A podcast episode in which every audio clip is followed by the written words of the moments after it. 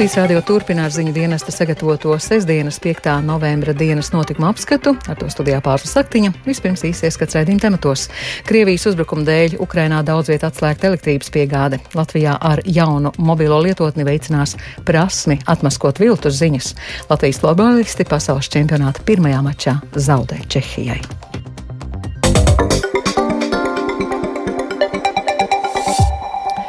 Vairāku Ukrainas apgabalu iedzīvotājiem šodien nācās iztikt bez elektrības, jo Krievijas uzbrukumos daļēji nopostītā energoapgādes infrastruktūra nespēja pilnībā nodrošināt pieprasījumu pēc elektroenerģijas. Irāna pirmo reizi ir atzinusi, ka Krievijas armijas rīcībā ir Īslāma republikā ražoti bezpilota lidaparāti, kuri ir izmantoti uzbrukumos Ukrainā. Tikmēr frontē vissmagākās cīņas norisinās Ukrainas austrumos. Par visu vairāk Uldis Česberis. Ukrainas galvaspilsētā Kīvā un septiņos valsts apgabalos šodien nācās daļēji pārtraukt elektrības piegādi, lai nepārslogotu energotīklus, kas ir smagi cietuši pēdējās nedēļās notikušajos Krievijas sistemātiskajos uzbrukumos Ukrainas energoapgādes infrastruktūrai. Ukrainas valdība apgalvo, ka triecienos ir bojāti aptuveni 40% energoapgādes objektu. Arī aizvadītajā diennaktī Krievija turpināja uzbrukumus kritiskās infrastruktūras un civilajiem objektiem. Ir fiksēti seši raķeši raķešu un 21 aviācijas trieciens, kā arī vairāk nekā 60 uzbrukumi ar reaktīvo un smago artilēriju. 17 Eiropas Savienības dalībvalstis ir nosūtījušas Ukrainai 500 elektroģeneratorus, lai palīdzētu nodrošināt valsti ar elektrību un siltumu, paziņojis Eiropas civilās aizsardzības un humanās palīdzības operāciju ģenerāldirektorāts. Eiropas Savienības enerģētikas komisāre Kadri Simpsone šonedēļ apmeklējot Kīvu apsolīja, ka bloks aktīvi domās par to, kā palīdzēt Ukrainas enerģētikas sektoram. Irāna pirmo reizi ir atzinusi, ka ir pārdevusi Krievijai bezpilota lidaparātus, kuri tiek izmantoti triecienos pa Ukrainas energoapgādes un siltumenerģijas apgādes infrastruktūru. To šodien paziņoja Irānas ārlietu ministrs Hoseins Amir Abdullahjans. Atsevišķas rietumvalstis apsūdz Irānu līdzdalībā karā Ukrainā, apgalvojot, ka Irāna piegādā Krievijai dronus un raķetes. Apgalvojumi par raķetēm ir pilnīgi nepareizi. Apgalvojumi par droniem ir patiesi, jo mēs dažus mēnešus pirms kara Ukrainā piegādājām Krievijai ierobežotu skaitu dronu. Ja Ukrainas rīcībā ir pierādījumi, ka Krievija Ukrainā ir izmantojusi Irānas dronus, tad viņiem tie mums ir jāiesniedz. Ja būs pierādījumi, ka Krievija izmantoja Irānas dronus karā pret Ukrainu, mēs nepaliksim vienaldzīgi. Ukrainas bruņoto spēku ģenerālštāps paziņojis, ka vakar ir likvidēti 600 iebrucēji no Krievijas. Līdz ar to kopējais Ukrainā kritušo Krievijas karavīru skaits esot sasniedzis 75 tūkstošus. Ukraina joprojām neatklājas savus dzīvā spēka zaudējumus karā. Ukrainas prezidents Volodimirs Zelenskis paziņojis, ka frontē pašlaik vissīvākās cīņas norisinās pie Bahmutas un Soledaras pilsētām Donetskas apgabalā. Ukrainas prezidents arī pateicās ASV un Nīderlandē par abu valstu piešķirto papildu militāro palīdzību Ukrainai. ASV paziņojusi, ka piegādās Ukrainai 45 tankus T-72, kurus iegādāsies no Čehijas, kā arī 250 vieglos bruņu transportierus, 40 bruņu kuterus, kā arī vairāk nekā tūkstoti kamikadzes dronu. Šīs palīdzības paketes kopējā vērtība ir 400 miljoni dolāru. Savukārt Nīderlande atvēlējusi vēl 120 miljonus eiro militārajai palīdzībai Ukrainai. Daļa no šīs summas paredzēta, lai no Čehijas iegādātos 45 modernizētus un pilnībā atjaunotus tankus T-72. Ukrainas aizsardzības ministrs Oleksijs Reznikovs norādījis, ka šī palīdzība ir vēl viens solis pretī labā uzvarai pār ļauno. Uldis Česberis, Latvijas radio.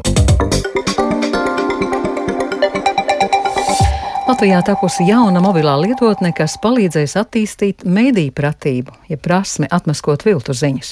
Nepatiesas ziņas ir aktuāla problēma visā pasaulē, un mediju pratības ziņā Latvija Baltijas valstu vidū ir pēdējā vietā. Vairāk par to Viktors Demīdovs. Jāpēst vienā maltītē 30 līdz 90 gramu polārlā čakna var būt nāvējoša.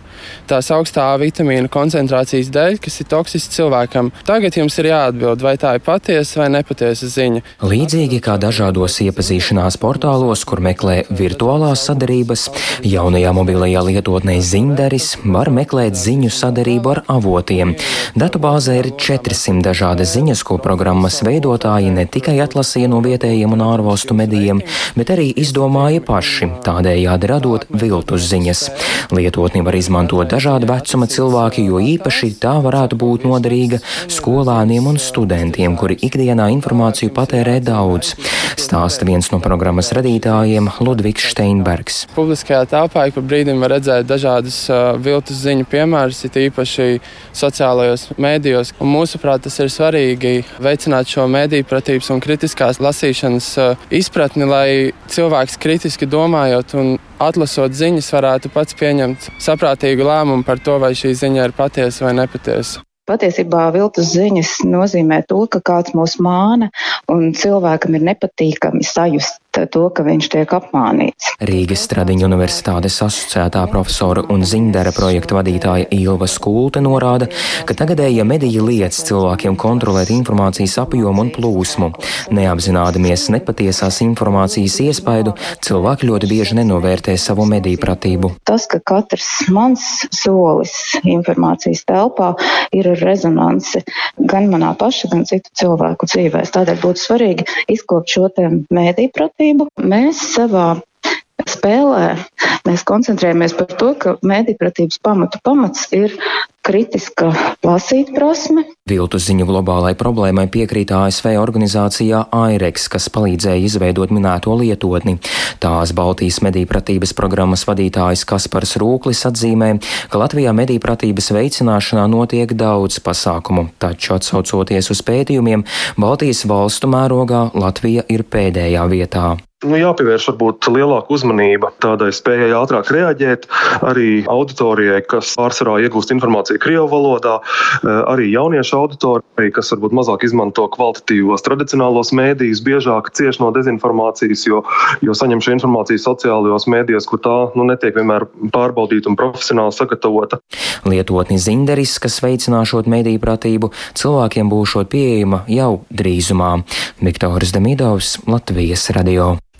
Novembrī un decembrī 30. jubileju svin vecākais Rīgas mazais kinoteātris Kasuns, kuru vada Aida un Juris Zviedri. Kā ģimenes uzņēmums spējas pastāvēt līdzās lielajiem kinoteātriem, interesēsies Ieva Puķe. Nosaukumu kinogalerija Kinoteātra kā suns izveidotāji Aida un Juris Zviedri paturējuši savam ģimenes uzņēmumam. Viņi tikko saņēma Rīgas starptautiskā kinofestivāla balvu par mākslas un avangarda kino ainavas kopšanu jau 30 gadu garumā. Vai atceraties, kurā datumā bija pirmais seans un kas tā bija pa filmu?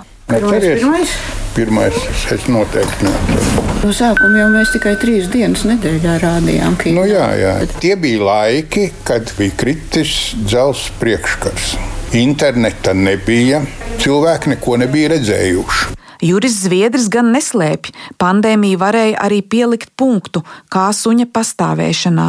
Pašlaik, kad mēs runājam, kaut kā ir tāds uh, skatītāju pieplūdums. Varbūt pateicoties tam, ka ir ļoti daudz jaunas latviešu filmas un ir interesi par tām.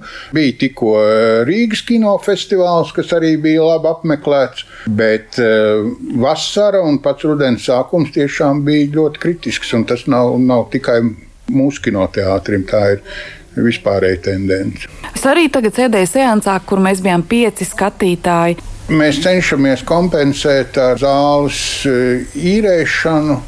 Mums notiek teātris izrādes. Tieši mazajos kinoteātros ir nākotne, apgalvo Nacionālā kinocentra pārstāve Kristīne Matīsa. Arthaus kinoteātris principā strādā ar kino kā ar gabaldarbu, ar katru filmu atsevišķi, to apmīļojot un izlolojot. Un šī ir tā pareizā attieksme, kas uh, arvien vairāk piesaista cilvēku. Nav iespējams izmērīt ietekmi, kāda šajos 30 gados Aīdas un Jūras Zviedru kinoteātrim bijusi uz skatītājiem. Viens no viņiem, Māris Prombergs, uz kinogaleriju Jaunielā bērnībā nāca līdzi mammai, bet tagad pats vada savu mazo kinoteātri Kinobize Elizabetes ielā. Viņu zviedri ar lepnumu sauc par savu audzēkni Ieva Puķe, Latvijas radio. Un vēl par sportu. Latvijas vīru florbola izlase šodien pasaules čempionātu Šveicē sāk ar zaudējumu, bet astoņos vakarā Somijā otro Nacionālās hokeja līgas maču ārpus Ziemeļamerikas aizvadīs vārdsarga Elja Merzlīkina pārstāvētā Kolumbusas Blue Jackets komanda. Par šodienas sporta notikumiem vairāk stāsta Mātiņš Ļavinieks. Jā, labvakar pārsla un labvakar klausītāji. Sporta apskatu šovakar sākšu ar Latvijas florbola izlases startu pasaules čempionātā, pirmajā cīņā latvieši ar 3-6 šodien zaudēja Čehijai. Latvijas komandas labā vārtus guva Klaus Jansons, Pēters Strekšs un Morits Krūmiņš. Latvieši rīt tiksies ar Zviedriju, bet pirmdien ar Vāciju. Pasaules čempions Zviedri šodien eh, turnīru sāk ar pārliecinošu uzvaru pār vāciešiem 19 pret 4. Latvijas atklātajā hokeja čempionātā čempionātā šodien trīs mači ar vietējo klubu piedalīšanos. Hokeja skola Rīga viegli tika galā ar Daugopils Dinaburgu 13 pret 3, bet turnīra līdere Mogo LSPA ar 6-1 pārspēja prizmu. Dienas centrālajā mačā Rīgas Dienāmo savā laukumā uzņēma čempioni Zemgali LLU, pārliecinoši ar 3-0 triumfēja Jelgaunieki. Tagad nākamie mači līgā notiks tikai 16.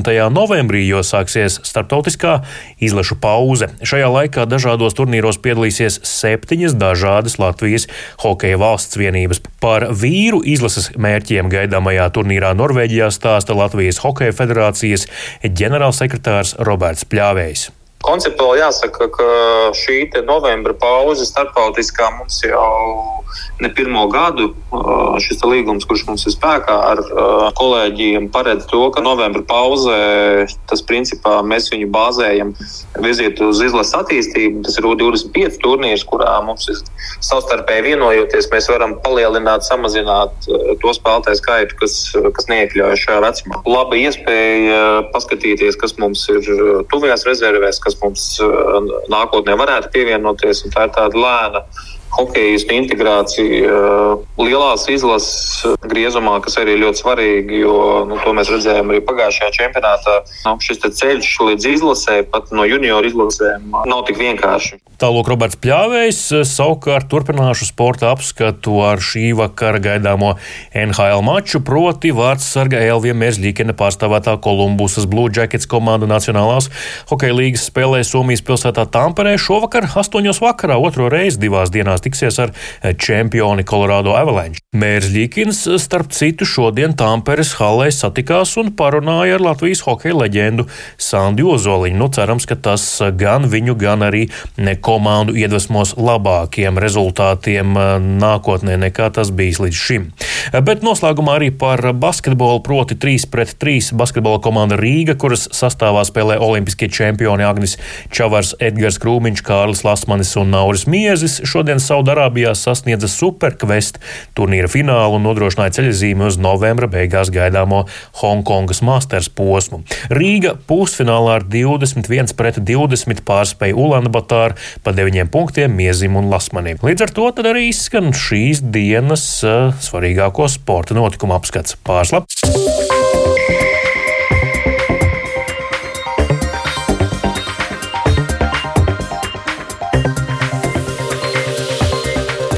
Un ar to izskan dienas notikuma apskats. Producents Edgars Kupčs, ierakstus montēja Ulds Vīnbergs, par labskaņu rūpējās Kristaps Eida, ar jums runāja Pārslas Saktiņa. Vēl īsti par svarīgāko. Krievijas uzbrukuma dēļ Ukrainā daudz viet atslēgta elektrības piegāde. Irāna pirmo reizi atzinusi bezpilotu lidaparātu piegādāšanu Krievijai. Tikmēr frontē vissmagākās cīņas norisinās Ukrainas austrumos. Latvijā ar jaunu mobilo lietotni veicinās prasmi atmaskot viltus ziņas, un Latvijas florbolisti pasaules čempionāta pirmajā mačā zaudē Čehijai. Šī raidījuma atkārtojums raidierakstu platformās kā dienas ziņas un Latvijas radio mobilajā lietotnē. Latvijas radio ziņām sekojiet arī Latvijas radio viens Facebook lapā un LSMLV.